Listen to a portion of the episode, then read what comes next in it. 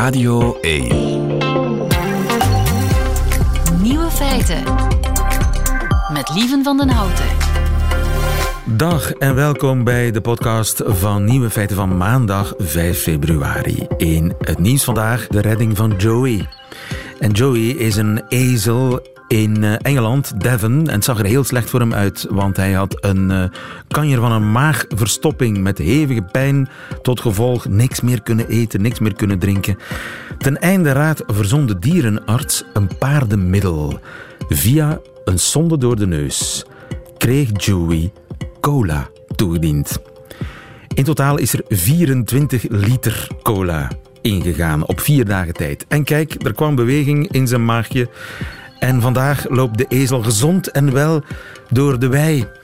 Don't try this at home. Maar goed, de andere nieuwe feiten vandaag. Uh, vissen houden in Florida mensen wakker. Koffie maakt beton sterker. Italië is in de ban van Fleximan, die gemaskerd flitspalen omzaagt. En de nieuwe feiten uit Wallonië, daarover praat Christophe de Borsu ons bij. Nico Dijkshoorn, die hoort u in zijn middagjournaal. Veel plezier. Radio 1. Nieuwe feiten. In Australië zijn ze erin geslaagd om beton sterker te maken met koffiedik. Goedemiddag, DJ Snoek. Een goedemiddag. Je bent betononderzoeker van de ULB in Brussel. Hoe komen ze erbij om beton te willen versterken of anders te willen samenstellen? Beton, dat is toch al jaren ja, zand en water en steentjes? En cement daar ook nog bij. Maar eigenlijk proberen we steeds opnieuw en opnieuw het beton heruit te vinden om een beter materiaal te krijgen. We hebben heel wat problemen met beton, maar dus met dit koffiedik kunnen we het beton iets beter maken. Ah ja, en wat zijn de problemen met beton? Oh, redelijk veel. Wel, als ik het zo mag zijn. Uh, we hebben cement dat erin zit in beton, dat stoot heel veel CO2 uit. Dus dat is een heel erg groot probleem voor het milieu. Cement we hebben water dat we ja, voor het cement te maken. Als we dat gaan opwarmen in de ovens, dat stoot daar enorm veel CO2 uit. We hebben dan ook nog water, dat gaat een schaarste worden in de toekomst. En zand is ook een schaarste momenteel. Dat ook een probleem worden in de toekomst. Ja, dus alle manieren zijn welkom om op een andere manier beton te maken. Nu, uh, koffiedik, dat is toch gewoon ja, het gruis, de drap, de restproduct van mijn uh, dagelijks kopje koffie. Moest u dat gebruiken, gaat uw beton juist slecht worden. Oei. Uh, ja, dat klopt. Uh, dat bevat heel veel organische stoffen en die zijn helemaal niet interessant voor beton. Maar wat we wel kunnen doen is, als we die stoffen nemen, als u je koffie gedronken heeft, en we gaan die onvolledig gaan verbranden, dus we gaan die gaan verbranden in een zuurstofarme omgeving, dan krijgen we daar een soort van poeder, een soort houtskool, we noemen dat eigenlijk een biokool, en die hebben geen organische stoffen. En dat kunnen we wel in beton aangeven. Dus je moet eerst dat koffiedik uh, verbranden, maar op een speciale manier verbranden, zonder zuurstof. En wat daar dan overblijft, dat kan beton sterker maken. En hoeveel sterker?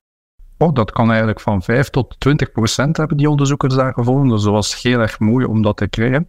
En de reden is eigenlijk niet de koffie zelf, maar eigenlijk de structuur van die stof die we daarvoor krijgen door dat te gaan verbranden. Krijgen een heel erg poreuze structuur en die structuur is heel interessant om in beton te hebben om het iets beter te maken qua sterkte. En wat doet dat dan precies? Wel, als we eigenlijk van in het begin gaan kijken naar beton, we hebben altijd water, cement en zand nodig. Maar als we dan water en cement gaan bekijken, dan moet hard gaan worden. En beton, ja, dat wil heel erg snel gaan uitharden. Dus van zodra dat alle water opgebruikt is, kan er eigenlijk een probleem komen. We krijgen dan eigenlijk heel veel spanningen in het beton. Dus het beton wil eigenlijk op voorhand al gaan scheuren, iets dat we niet willen hebben. Dus wat we willen hebben is dat het beton vochtig genoeg blijft. En door die poreuze structuur daarin te krijgen, gaan die poreuze structuren ook een beetje vocht beginnen opnemen. En dat kan er dan voor zorgen dat het beton van binnenuit vochtig genoeg blijft en zo geen scheurvorming krijgt. Oh ja, dat water, dat vocht blijft in het uitgeharde beton zitten na verloop van tijd gaat het gebruikt worden. Dus het gaat heel traag opgebruikt worden, omdat het beton dan dat water wilt gaan gebruiken. Maar op die manier gaan we al die spanningen in het begin al een klein beetje aan tegenhouden. Oké, dus het, het, beton wordt beter van koffie. Uh, ja, dat, dat is een fantastisch uh, idee. Hè? Dus uh, gaan we huizen bouwen met koffie binnenkort? Ah, laat ons hopen van wel. Want we gaan heel veel beton nog steeds nodig hebben, ook al stoten we zoveel uit. Dus elke oplossing is zeker welkom. Ook om het zand wat te verminderen, om het cement beter te maken, om het beton beter te maken voor onze mooie toekomst. Ja, en dus binnenkort gaan misschien onze, ja, een speciale ophaling komen van koffiedik. Niet weggooien. Misschien wel. Een apart uh, containertje voor uh, koffiedik op het uh, recyclagecentrum. Didier Snoek, dankjewel. Goedemiddag. Hartelijk bedankt. Dag. Feiten. Coucou de Namur. Met Christophe de Borsu.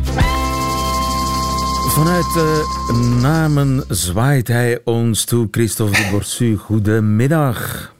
Dag lieven, koekoe uit Namen. De jongste dagen leek Vlaanderen op Wallonië. Overal boze boeren. Ik was erbij, als journalist, niet als betoger, toen de Waalse minister van het platteland, Céline Tellier van Ecolo, een bezoek aan de landbouwers bracht in de buurt van Namen. Het was nogal heet. Démission! Démission!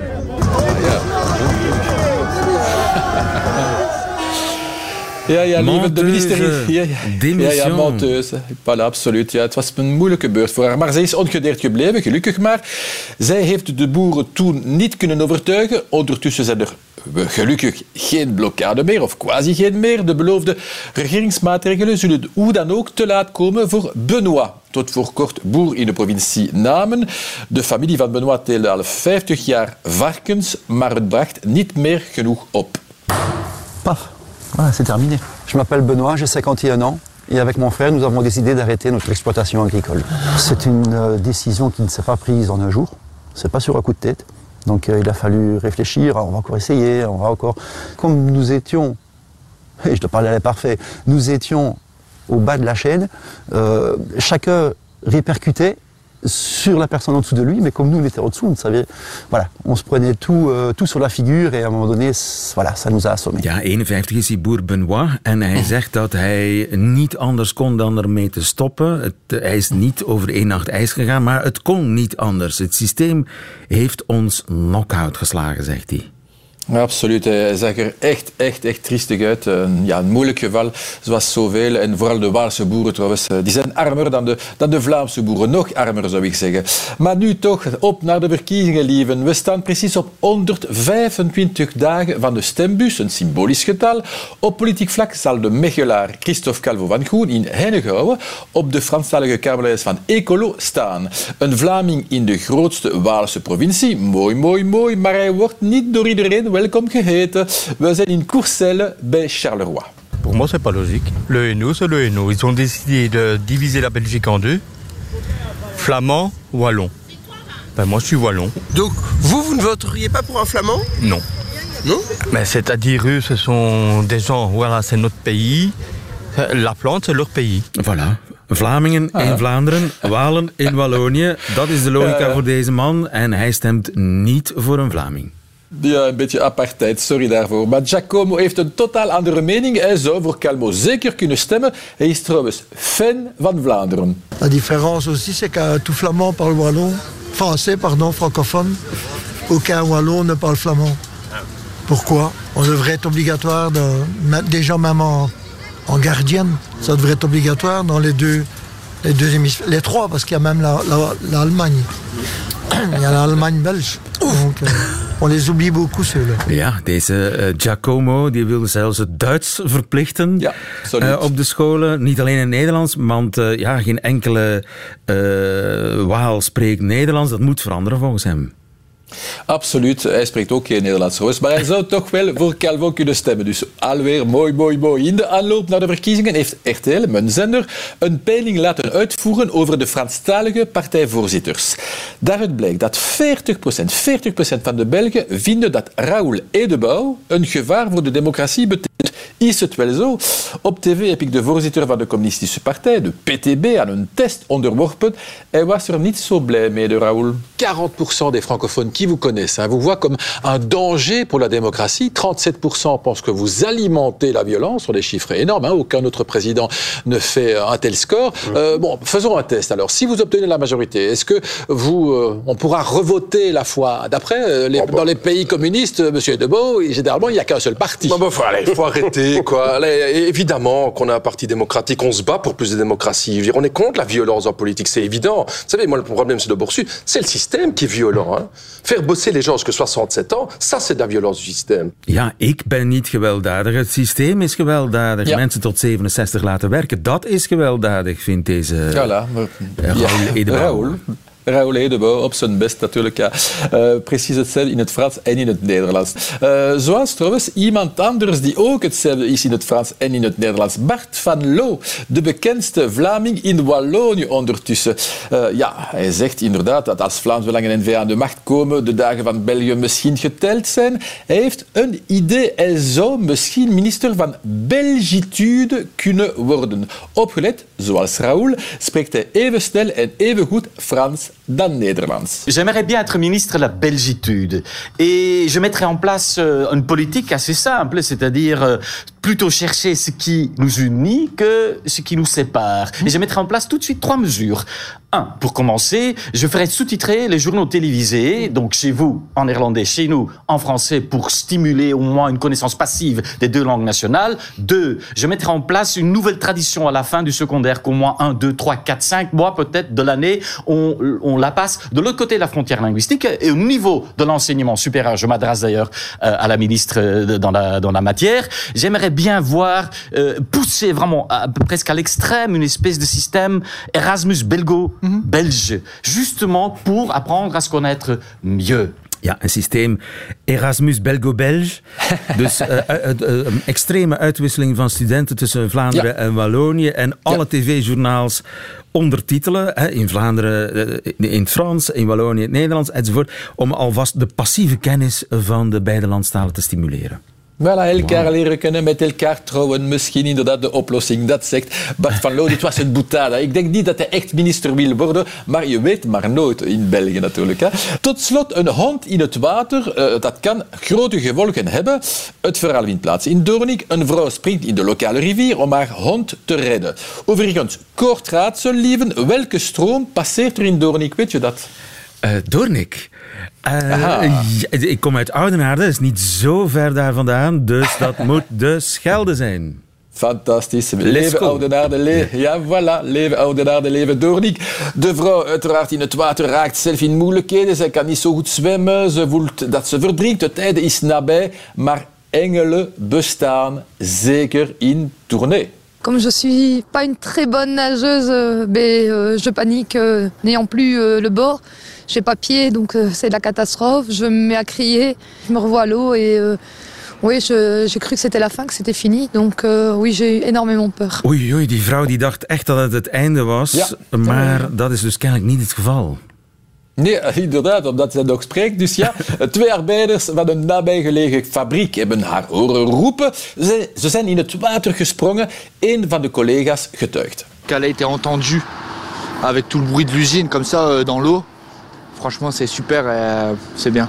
Chapeau à vos collègues Chapeau très, un grand chapeau aux collègues, un grand merci aux collègues. Euh, en deux secondes de temps, euh, ces messieurs sont venus m'aider alors que voilà, ils ne me connaissent pas et que c'était aussi risquer leur vie. Wauw, dus die vrouw die achter haar hondje in het water was gesprongen, eh dreigde te verdrinken, die is gered door twee arbeiders die vanuit Ja. de fabriek haar hadden horen roepen en te hulp schoten en haar uit het water hebben gehaald. Helden.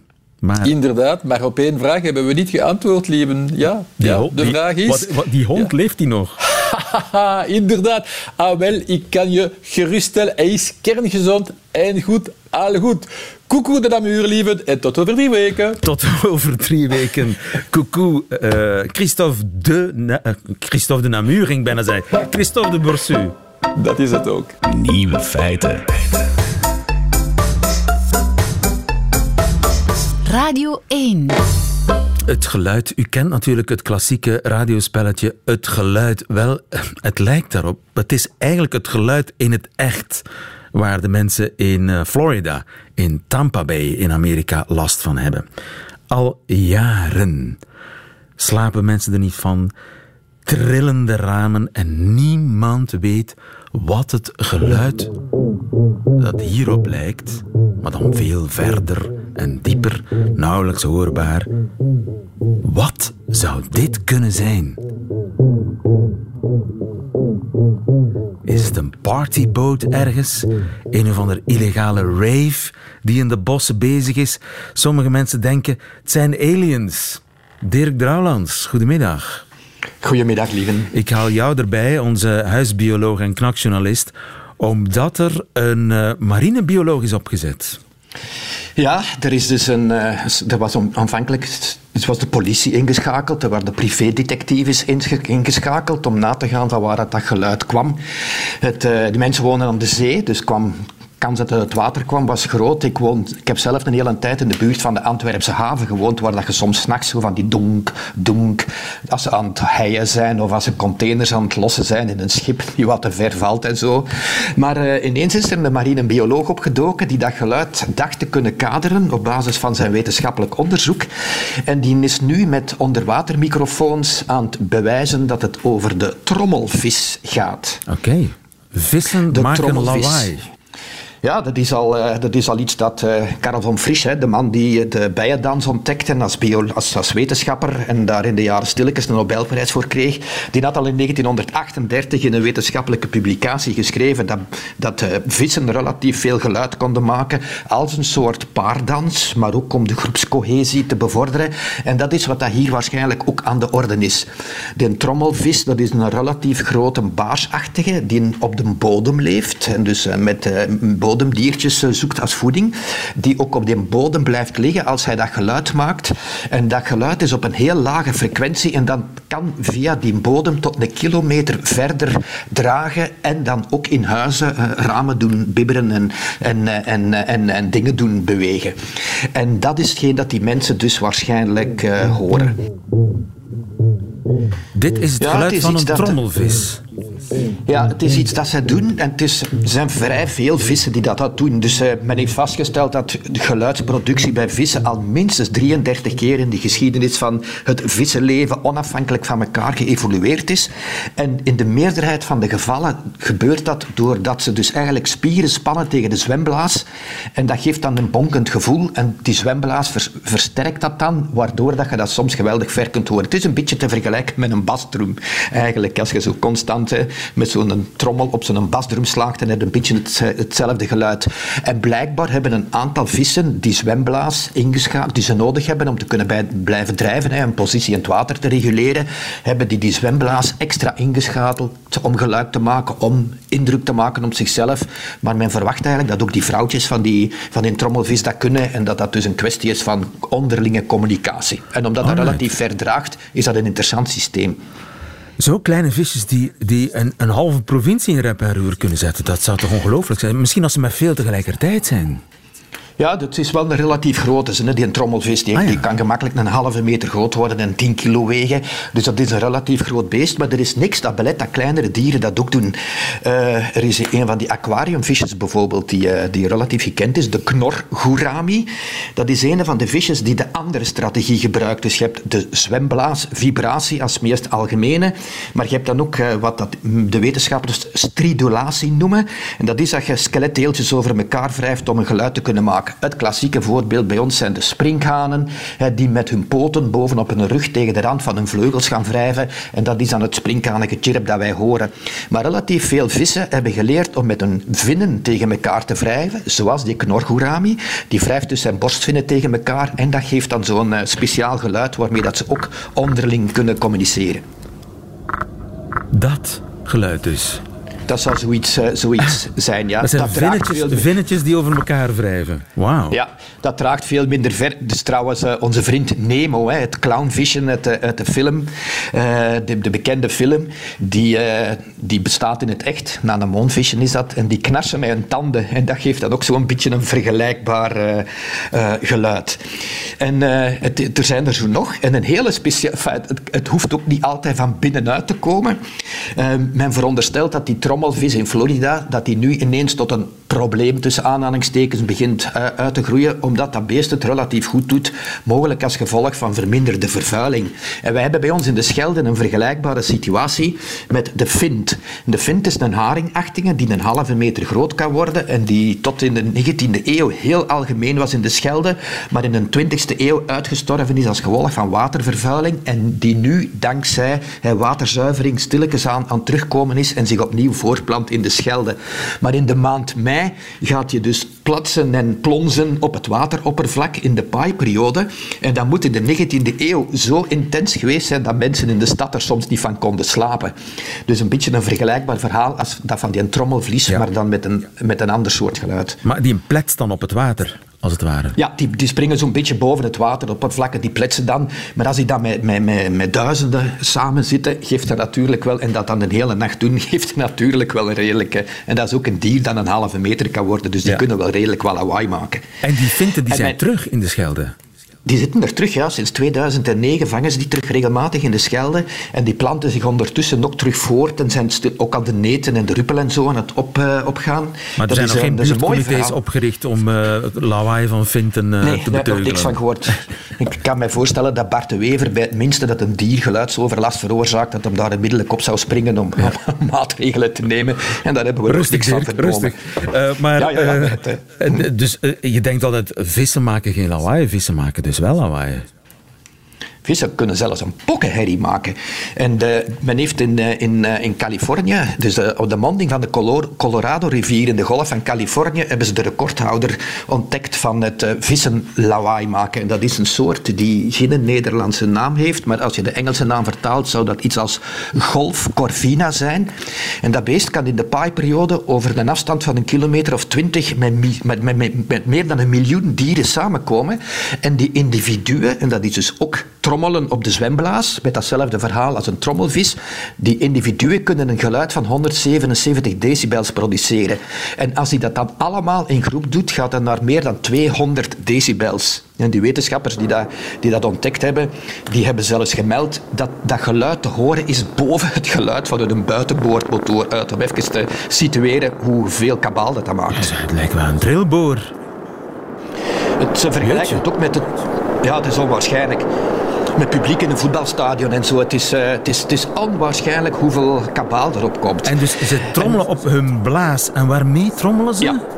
Met spieren. Dus met de spieren die op de blaas zitten. Dus, inwendig dus eigenlijk. Ja, ja, ja. dus die spannen ze op en die lossen dan. En dan geven die dus een, een, ja, een, een, een, een soort scheet. Een drumgeluidje. Ja, ja, op een... ja, nee, scheet is het niet. Het is, het is een soort ja, drummen eigenlijk. Nee, nee, het is echt trommelen. Scheten kan ook. Hè. Lieven, dat zijn andere dieren. De haringen bijvoorbeeld. Die laten collectief winden. Maar letterlijk belletjes die uit een anus geperst worden. Letterlijk Het is toch niet daarvan dat ze wakker liggen in Tampa, Florida?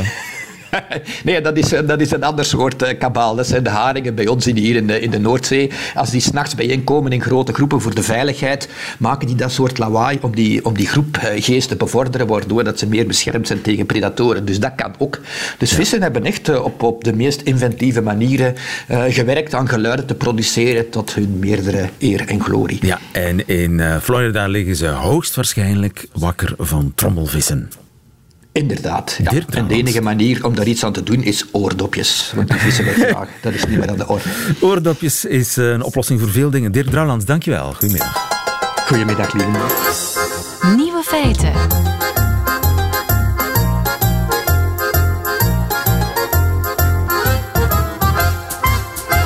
Italië is helemaal in de ban van uh, Fleximan. Fleximan, een soort uh, Robin Hood, kan niet anders zeggen. Uh, Pauline Valkenet, goedemiddag. Goedemiddag. Paulien, wie is Fleximan? Fleximan is iemand die uh, sinds een, een, paar maanden al, vooral in Noord-Italië, flitspalen omzaagt. En dat gebeurt s'nachts met een, uh, een cirkelzaag. Um, en die noemen ze hier, dat type zaag noemen ze hier een flexibile. Dus daar komt die naam vandaan, die bijnaam die hij heeft gekregen, Fleximan. Iemand die flitspalen uh, omzaagt en, en ze zo natuurlijk onklaar maakt. Ja, en hoeveel palen heeft hij zo al omgelegd? Ja, dat, het precieze cijfer weten we niet, maar het moeten er inmiddels meer dan twintig zijn.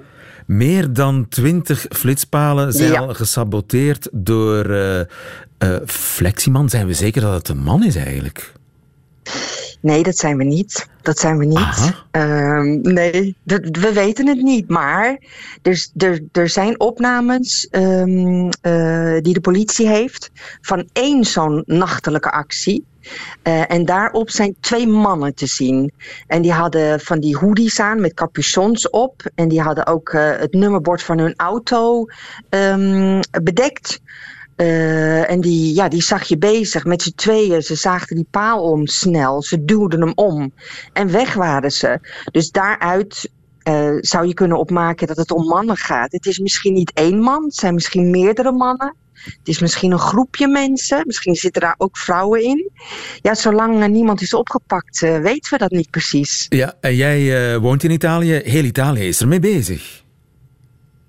Nou, het speelt behoorlijk. Ja, het, het, het, het, het is natuurlijk een heel ongewoon um, soort vandalisme. Het is, het is een misdrijf. Uh, er, staat een, er, kan, er kan een gevangenisstraf op staan. En het is natuurlijk ja, heel ongewoon dat iemand dat doet. Maar er zijn een hoop Italianen die zich eh, kunnen vinden in deze persoon. Die zeggen hartstikke goed wat hij doet. Die zou een medaille moeten krijgen. Want ja, er zijn heel veel automobilisten die natuurlijk vaak op die provinciale wegen, waar de snelheid vaak wisselt op één stuk. Dan is het 50 kilometer, dan is het 70 kilometer per uur, de limiet. Daar ga je al snel de fout in. Ik zelf ook, moet ik zeggen. En dan krijg je fikse, fikse boetes voor die al gauw over de 100 euro zijn. Dus ja, er zijn veel Italianen die die misschien niet goedkeuren dat deze man die flitspalen omzaagt. Maar die wel begrijpt dat er iemand heel kwaad is en uit woede handelt. Omdat, ze gek, omdat diegene of diegenen uh, kwaad zijn vanwege al die bekeuringen die ze krijgen. Ja, want ja, Italië staat vol flitspalen, maar mijn ervaring is dat die niet werken. Althans, de Italianen die scheren daar langs uh, aan zeker 30, 40 kilometer per uur sneller dan toegelaten. Ja, dat zie je wel eens gebeuren. Ja, sommige mensen schijnen te weten welke flitspalen werken en welke niet. Maar dat, dat weet niet iedereen. En ze worden natuurlijk soms ook verplaatst. Er komen ook nieuwe bij. Dus, maar het zijn er een hoop. En vooral op, op, op kleine wegen waar deze flexieman uh, bezig is. Um, ja, daar, uh, het zijn er heel erg veel. Italië heeft meer flitspalen dan andere Europese landen. Dus je bent al gauw... Uh, word je ja, ja. in de smiezen genomen als automobilist. Dat is wel bijzonder, hè? dat Italië uh, meer flitspalen heeft dan om het even welk ander Europees land. Ja, de reden daarvan, dat weet ik niet. Maar ik weet wel dat uh, flitspalen hier worden neergezet. Ze dienen natuurlijk voor de verkeersveiligheid. Ze worden neergezet op wegen, op stukken, op plekken waar veel ongelukken gebeuren, dus die gevaarlijk zijn. En daar worden die flitspalen neergezet. En misschien dat er hier mm, ja, enorm veel ongelukken gebeuren. Italianen houden van auto's, een beetje sportief. Uh, er zijn vrij weinig uh, andere controles, moet ik zeggen. Bijvoorbeeld alcoholcontroles, heel weinig. Dus ja, er wordt al, er wordt al gauw. Uh, een tikkeltje te hard uh, gereden. Ja. En misschien dat er. En, en er gebeuren veel ongelukken. Het is bekend dat twee jaar geleden zijn er hier, um, om precies te zijn, 3159 mensen omgekomen in het verkeer. Iets meer dan 3000. Dat is veel. En dat is bo ook bo ja, dat is veel.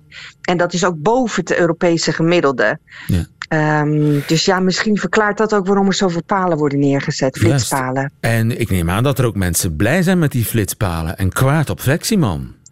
Zeker, natuurlijk. Uh, jij noemde hem Robin Hood.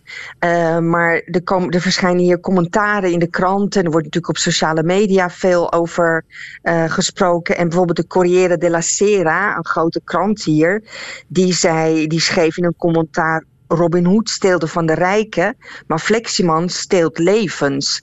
Want juist omdat die flitspalen staan op plekken waar ongelukken gebeuren en de politie mag ook alleen, er mogen ook alleen flitspalen neergezet worden op een plek als is aangetoond dat die gevaarlijk is, dat daar ongelukken gebeuren. Dus ja, ook politiemensen die nu in de media komen, die worden gevraagd naar Fleximan en hoe zit dat met die flitspalen, die leggen dat uit. Die zeggen ja, het is allemaal voor de veiligheid, voor de verkeersveiligheid. En wat ook een argument is van veel mensen die uh, Fleximan toejuichen, die hebben het idee dat het een makkelijke manier is voor gemeentes om geld binnen te halen. Aha. Want alle boetes, alle bekeuringen, dat geld gaat allemaal naar de gemeente.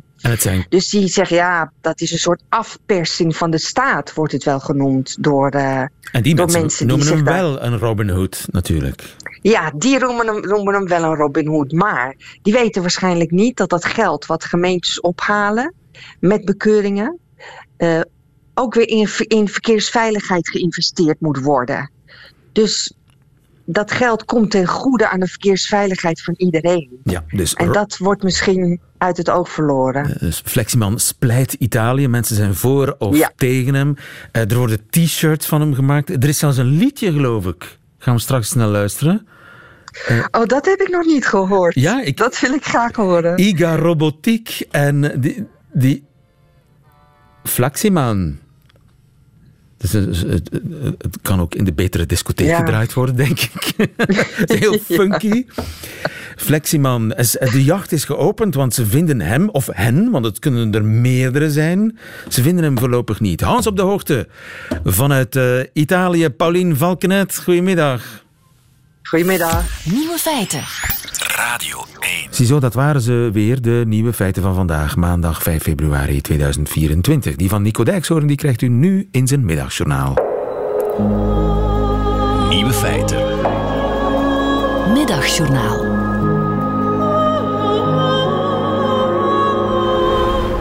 Beste luisteraars, toen dit weekend de Belgisch-Nederlandse grens werd versperd door boeren, toen zag ik radeloze Nederlanders die zich opeens realiseerden dat zij niet met duizenden tegelijk de sfeer in het centrum van Gent en Antwerpen konden verkloten met hun vrijgezellenfeesten. Ik dacht aan Vincent van Gogh, zijn schilderij De aardappeleters. Een unieke tijd. Je kon boeren toen nog gewoon tot op een meter afstand benaderen terwijl ze aardappels aten. Nu, in deze tijd, moet je boeren behoedzaam benaderen. Het gaat ongeveer zoals in natuurfilms, wanneer ze antilopen of zebra's filmen die behoedzaam water drinken bij een drinkplaats. En zo, zo moet je nu ook boeren benaderen. Zij zijn altijd op hun hoede. Als je vlak naast ze staat en je gebruikt het woord stikstof, dan hebben ze je al met touw aan een landbouwwerktuig gebonden. Boeren moet je uit een watertoren met een verrekijker bekijken terwijl ze hun boerendingen doen. Even aankloppen bij een boerderij en vragen of er nog eieren zijn, dat kan tegenwoordig helemaal verkeerd aflopen. Als je een iets te moderne jas aan hebt of een hippe bril, dan denken ze dat je bij de televisie of bij de radio werkt en dan sleuren ze je aan je voeten door een weiland vol met mest. Vincent van Gogh, die had daar helemaal geen last van. Die kon gewoon op een schilderskrukje naast een boer in het gras gaan zitten en dat is nu ondenkbaar. Zijn schilderij De aardappeleters zou nu onder heel andere omstandigheden zijn geschilderd. Die boeren aan tafel, die zouden nauwelijks hebben gegeten, ze zouden argwanend zijn geweest. Ze zouden aan Vincent hebben gevraagd: En wat, wat ga je dan zeggen, meneer de schilder, als het klaar is? Dat die aardappels helemaal vol zitten met stikstof? Ga jij zeggen dat wij helemaal niks anders doen dan eten? En waarom zagen we je nooit toen we die aardappels uit de grond stonden te halen, luie stadse donder dat je er bent? Ja, lekker makkelijk hè. Als we op het land werken, dan staat meneer thuis aan zijn oor te voelen. Maar zodra wij een goed verwarmde kamer hebben en lekker aardappels zitten te eten, wie belt er dan aan? Vincent van Gogh. Lekker gezellig mee eten, beetje toevallig hè.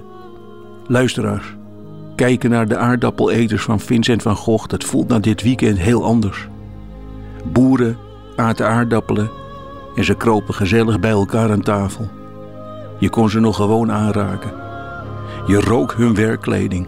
Ze vroegen of je mee wilde eten. Boer en mens hielden toen nog van elkaar.